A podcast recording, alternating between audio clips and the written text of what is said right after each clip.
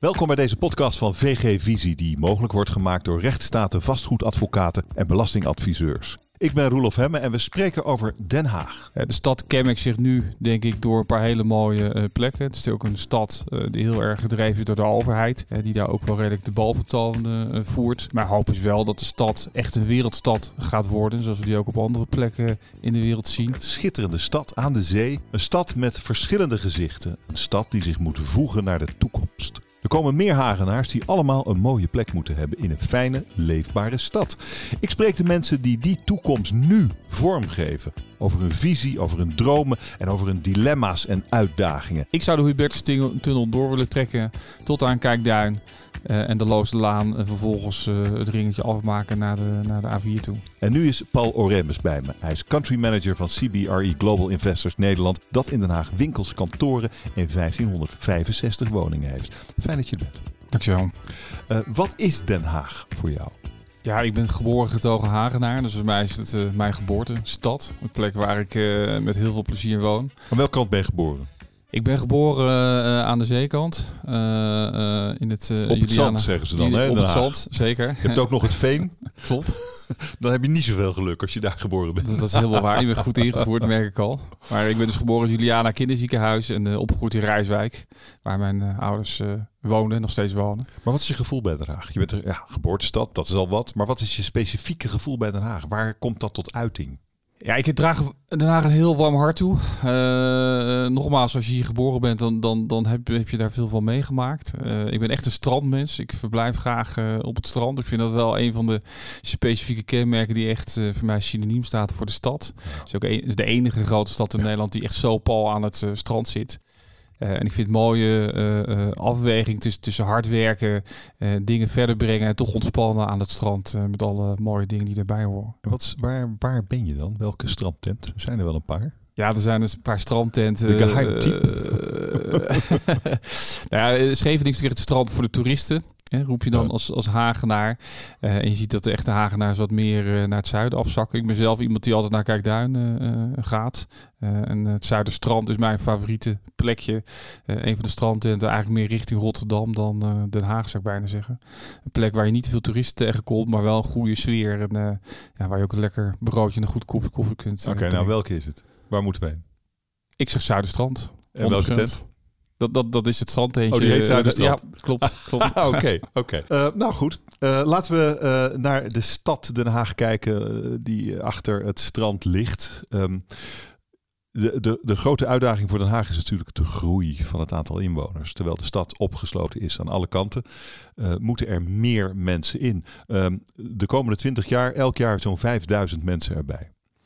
Um, hoe hoop jij dat Den Haag er tegen die tijd, tegen de tijd dat het 2040 is, eruit ziet? Wat is je idee van die stad in de toekomst? Ja, ik hoop dat Den Haag zich heel goed gaat uh, ontwikkelen. En als we nu naar Den Haag kijken, leuk dat je het zegt. Op dit moment boven de 500.000 inwoners in de afgelopen uh, 20 jaar groeien we met ongeveer 50.000 inwoners per decennium. Dus het gaat heel hard. We verwachten ook dat dat verder gaat. En dat betekent dat we over nou, 20, 30 jaar naar een stad gaan van rond de 700.000 uh, inwoners. En dat ook uh, de woningvoorraad behoorlijk moet uh, gaan toenemen. de stad kenmerkt zich nu, denk ik, door een paar hele mooie plekken. Het is ook een stad die heel erg gedreven is door de overheid. die daar ook wel redelijk de balvertoon voert. dat zal denk ik niet zomaar veranderen. Maar hoop is wel dat de stad echt een wereldstad gaat worden. Zoals we die ook op andere plekken in de wereld zien. Oké, hoe ziet Den Haag eruit als wereldstad over zeg 20, 30 jaar? Ik vind, ik, vind de, ik vind de wereldsteden, en dan denk ik aan Sydney en New York, dat zijn de steden hè, die het voor mij eh, betreft heel goed doen. Daar zie je een goede mix tussen wonen, uh, winkelen, werken en recreëren.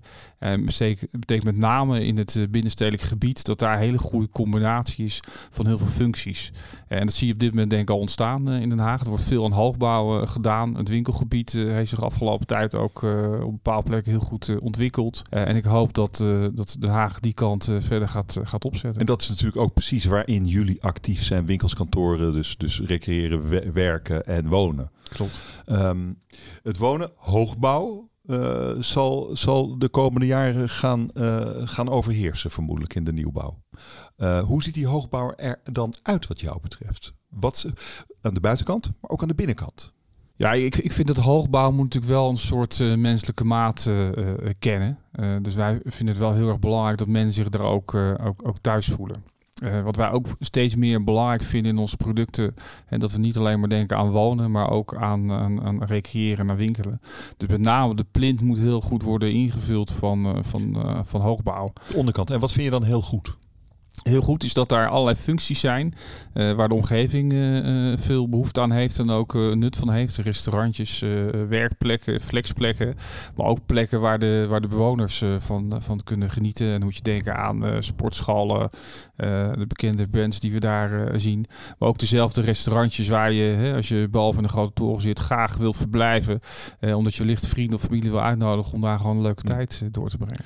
Dus um en wat doet uh, jouw bedrijf eraan om dat zover te brengen? Waar investeren jullie nu in? Want je moet nu wat gaan doen om het dan zover te krijgen? Nou ja, dat is leuk dat je dat vraagt. Wij investeren in een van de grootste projecten, denk ik, in Den Haag. Uh, project Grootjes, uh, ontwikkeld door Pralvast, uh, naast de Utrechtse baan.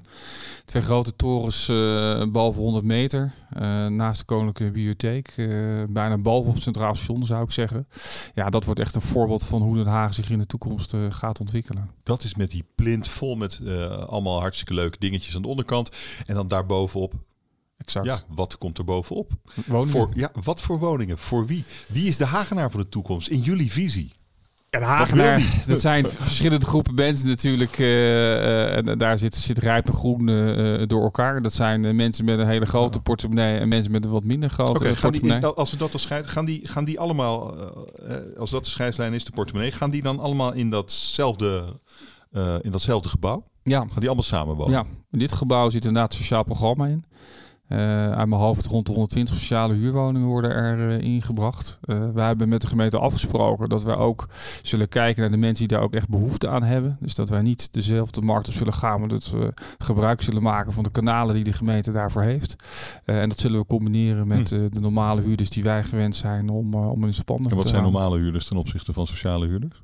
Nou ja, wij zitten in het segment niet kopen, niet sociaal. Dat is dus het middensegment. Dat is de mhm. vrije huursector. Maar wij richten ons met name op, uh, op het middenhuursegment. Het segment waar in de, in, de, ja, in de pers op dit moment heel veel over te doen is. Uh, onze achterban zijn institutionele beleggers. Uh, het woonproduct is voor ons een hele mooie beleggingscategorie.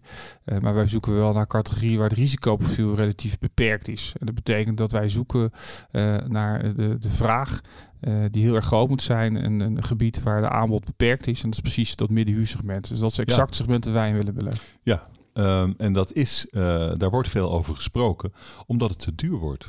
Ja, dat kan ik onderschrijven. Je ziet op dit moment uh, dat, uh, dat de kosten van überhaupt uh, woningbouw enorm aan het stijgen zijn. Dat heeft natuurlijk heel veel te maken met de bouwkosten die, die afgelopen vijf jaar gigantisch zijn gestegen.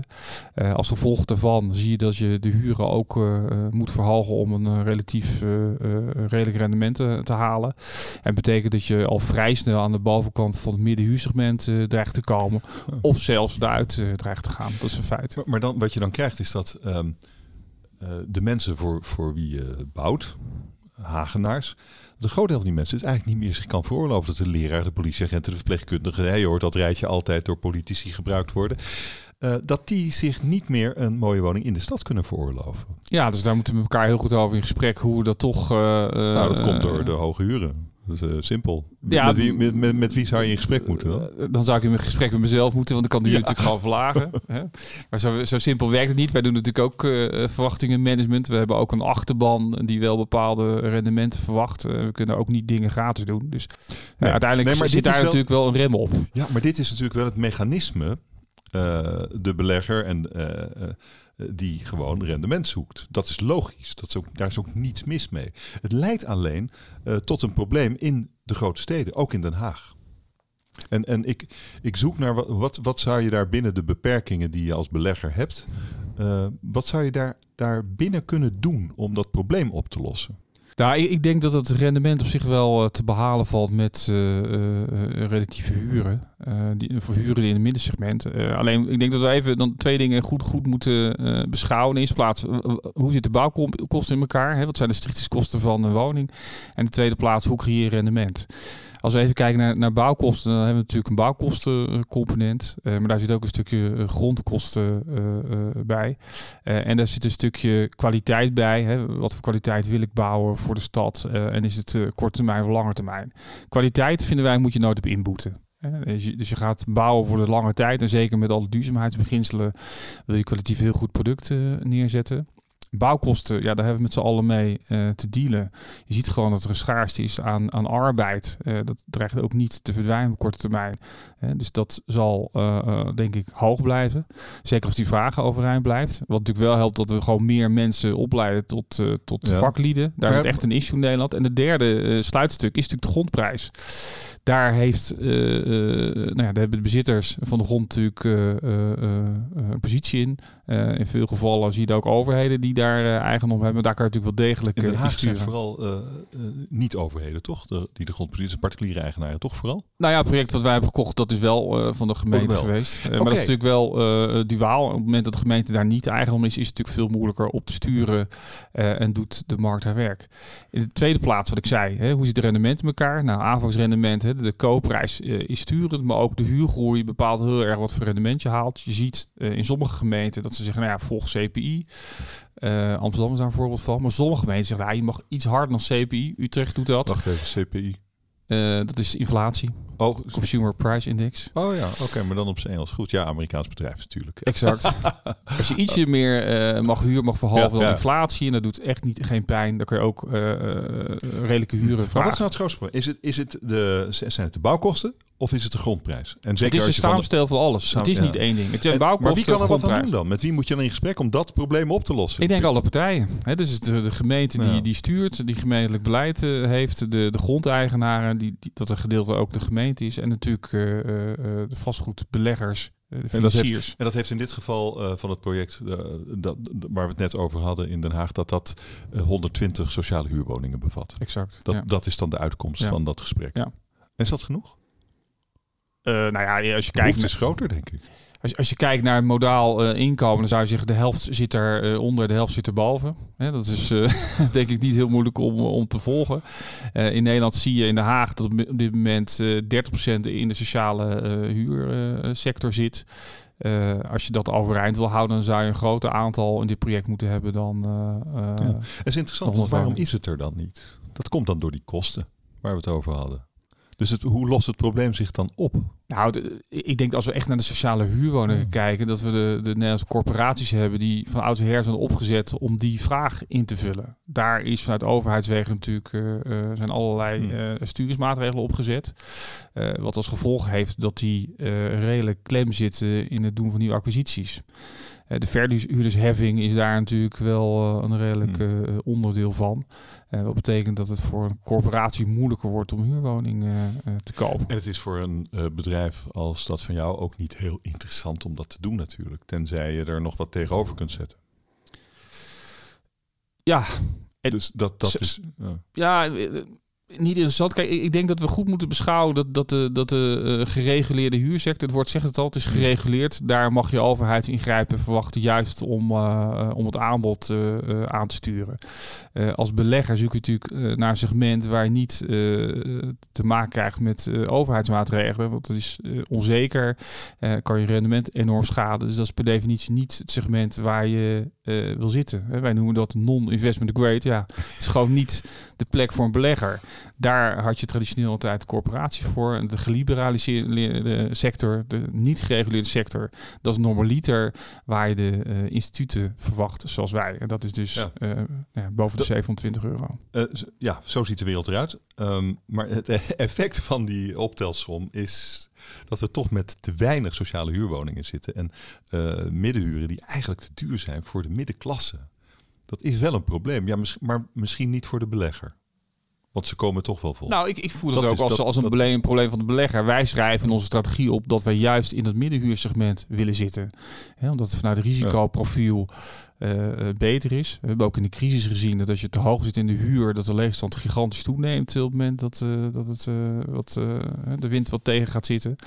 dus daar wil je liever niet zitten. Alleen ja, in je concurrentiepositie merk je dat je nu in prijs wordt, wordt opgedreven naar huurniveaus die, die toch al, als vrij aan de bovenkant van het middenhuursegment zitten. En misschien zelfs wel de boven. En de oplossing is dus uh, en werken aan de sociale huursector. Hè, goede maatregelen verzinnen zodat, die, uh, zodat de aanbod verder op gang komt.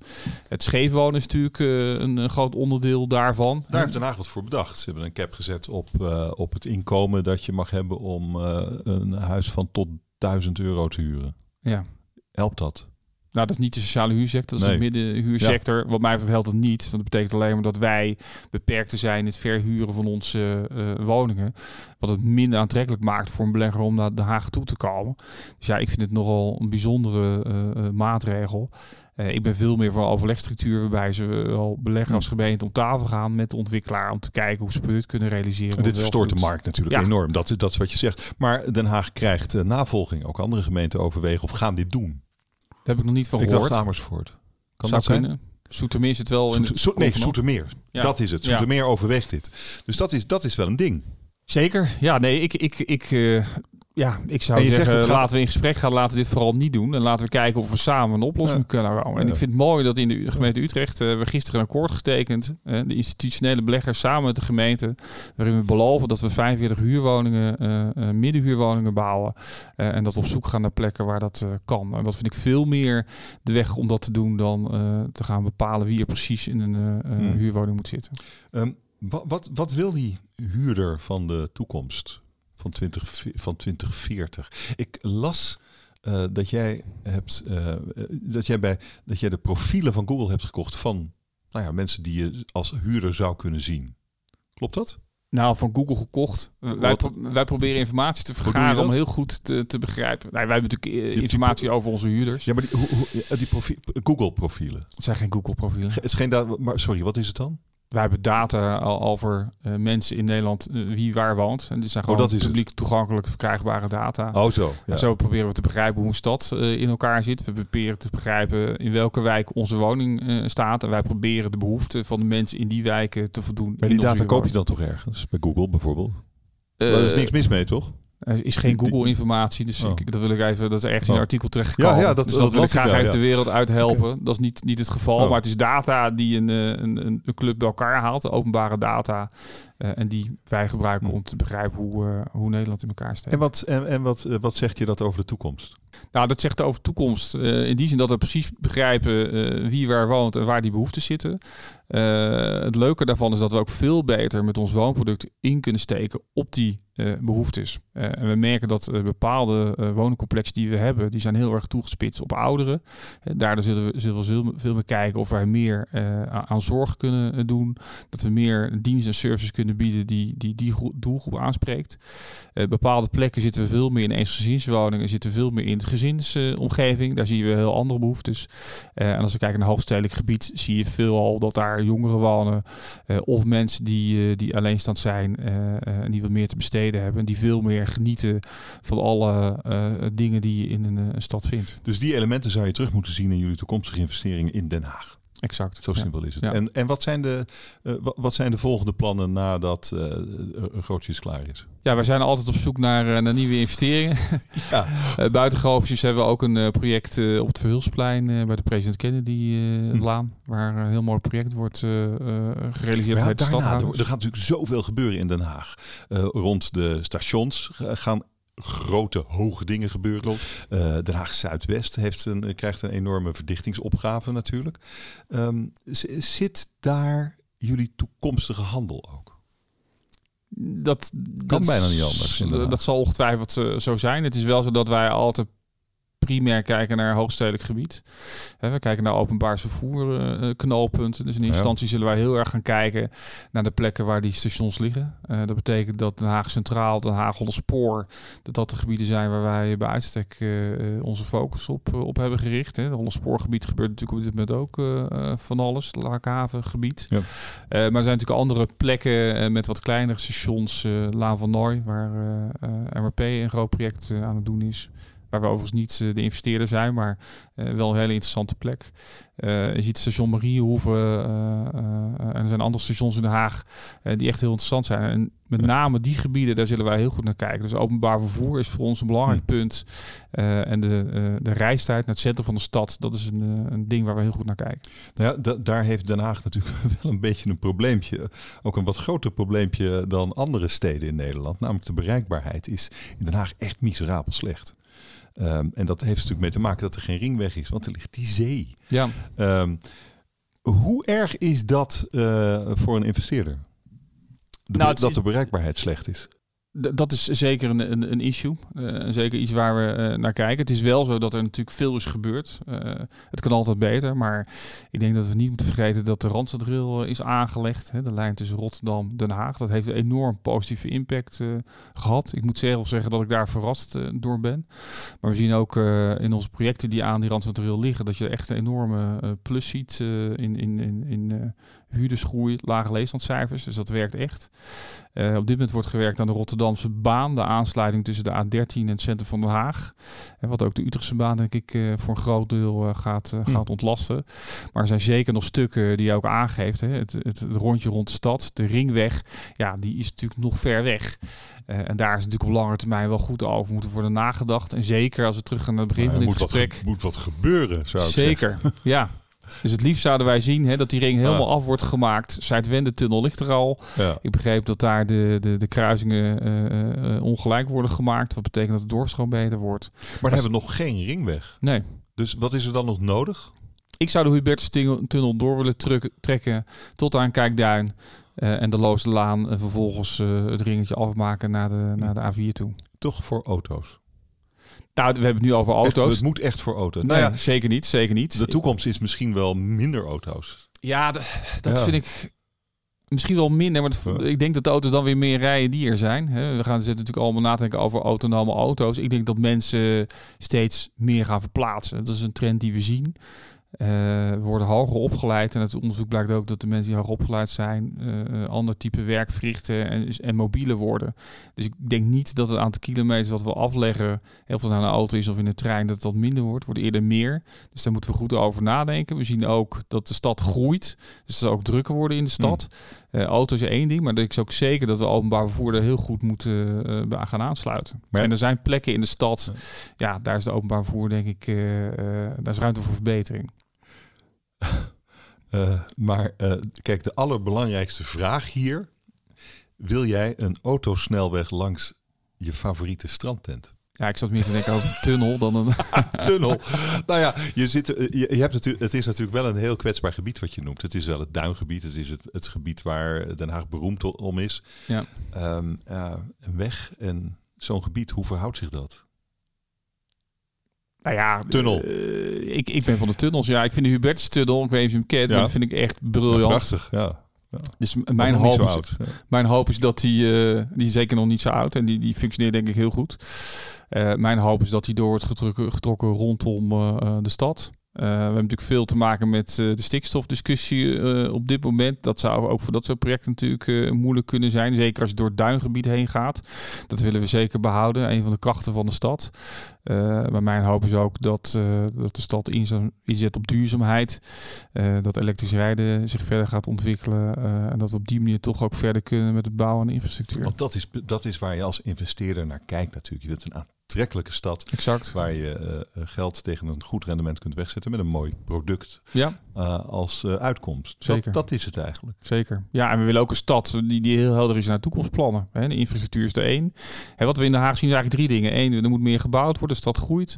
Twee, de infrastructuur moet daarop volgen. En drie, de duurzaamheidsopgave, wat natuurlijk een enorm issue is. Waar we met z'n allen ook doelstellingen hebben geformuleerd voor 2030. Ja, daar moeten we heel snel helderheid over krijgen hoe we dat gaan, gaan realiseren. Is dat er nog steeds niet? Er is een, een klimaatakkoord, dus we weten nu, we weten nu waar we, waar we naartoe moeten. Strategieën in, eh, in wording. Exact. Nou, daar zit dat is precies waar we staan. En vervolgens wil je als investeerder natuurlijk morgen wil je al uh, dingen doen om iedere investering die je, die je morgen doet ook duurzaam te laten zijn. Maar ja, je bent daar wel afhankelijk van de keuzes die de overheid maakt. Eh, om voorbeeld te noemen, wij kunnen een, een WKO-installatie uh, plaatsen onder onze panden. Maar als de gemeente aankomt met een warmtenet, is dat natuurlijk een investering die wellicht wat onzinnig is en zeker niet duurzaam. Dus je wil wel weten op welke plekken welke beslissingen worden genomen. Ja, dat heeft dus eigenlijk wel enorme haast. Dat, dat, daar is nu één of twee jaar voor uitgetrokken. Ja. Dat is ook niet iets wat je zomaar doet. Dus uh, dat, is, dat, is, begrijpelijk. Alleen ja, vanuit onze kant kan het niet snel genoeg. Maar het zet dus misschien wel investeringen on hold. On of is het zover nog niet? Uh, nou, wij, wij, zullen echt afwegingen moeten gaan maken. In hoeverre we al investeren in duurzaamheid. Als we nog niet weten wat de eindoplossing is. Uh, en wellicht dat we ja, bepaalde investeringen toch zullen uitstellen. Of voorzichtig zullen zijn. om, die, om die keuze af te wachten. Ik, ik, ik wil je vragen van, van wat heb je van wie nodig om optimaal te functioneren? Maar ik denk ik twee, ik denk dat het toch gaat om overheden. Dat die hier toch essentieel in zijn. En ik heb het gevoel dat overheden je ook een beetje tegenhouden. Nou ja, kijk, overheden hebben, ik denk dat je het heel goed formuleert. Overheden hebben natuurlijk de verantwoordelijkheid om visie te bepalen uh, en op hoog niveau uh, duidelijk te leggen hoe de stad verder moet. En, en die duidelijkheid is denk ik voor iedereen belangrijk, maar zeker voor een investeerder zoals wij. Uh, en wij zijn heel avers van onzekerheid, want onzekerheid is risico en risico betekent voorlopig beslissingen uitstellen. in zover die, die, hoe sneller een overheid duidelijkheid geeft op een aantal zaken, ja, hoe makkelijker het is voor investeerders om daar daar uh, achteraan te gaan. Uh, waar, waar je het geld in stopt, moet dat ook mooi zijn? Altijd, ja. Is het altijd mooi? Zeker niet. Nee. hoe, hoe kan dat dan? Hoe kan dat dan? Uh, omdat je niet alles voor het zeggen hebt. Nou, het is wel grappig. Even privé dingetje. Ik, ik ben uh, twee jaar geleden verhuisd. Uh, en als echte vastgoedman ga je natuurlijk eens even je eigen marktonderzoek doen. En die data hebben we ook om precies te zien wat de huizenprijzen hebben gedaan. En wat mij toen heel erg opviel was dat in het wijkje waar ik woonde, Leidsveen, was er een duidelijk prijsontwikkelingsverschil tussen het huis waar ik in zat en, en een ander wijkje. en bij wat, wat verder onderzoek bleek dat dat een jaren 30 wijkje was, wat heel populair was, met name vanwege architectuur. Uh, dus je ziet uh, dat als je de goede architectuur hebt en de mooie dingen die langer termijn uh, overeind blijven, ja, dan, dan zit daar ook als belegger een interessante kant aan. Omdat uiteindelijk is de eindwaarde daar natuurlijk hoger van en je rendement is ook beter. Maar wat is dan de les? Kwaliteit voor alles. Steek nooit een cent in iets lelijks. Eigenlijk. Zeker, eens. eens. ja. Dankjewel voor dit gesprek. Graag gedaan. Ik vond het een mooi gesprek. Een, een, uh, een uh, investeerder die kan zo, uh, zo heerlijk cool kijken naar de grote vraagstukken. Dat vind ik wel mooi. Dankjewel. Is dat lastig om je hoofd koel te houden in, die, in dat hele veld waar je in opereert? ja, soms wel. Soms wel. Ja, ik, ik, ik moet zeggen dat uiteindelijk heb je ook een verantwoordelijkheid om, omdat je geld mag beleggen uh, van, van institutionele partijen. En ik, ik benadruk het woord mag, uh, want dat vind ik echt een, een luxe positie. Uh, en dat geeft ook wel uh, bepaalde verplichtingen aan je mee, hè, dat je daar de goede dingen uh, mee doet. dus ik denk dat wij heel veel nadenken over hoe wij uiteindelijk met iedere euro de beste beslissingen kunnen nemen. En dat is ook een, ja, ik vind bijna een maatschappelijke verantwoordelijkheid die, die je met je meedraagt. Dat betekent ook af en toe wat afstand nemen en koeltjes naar dingen kijken, inderdaad. Nogmaals, dank je zeer voor dit gesprek. Dankjewel.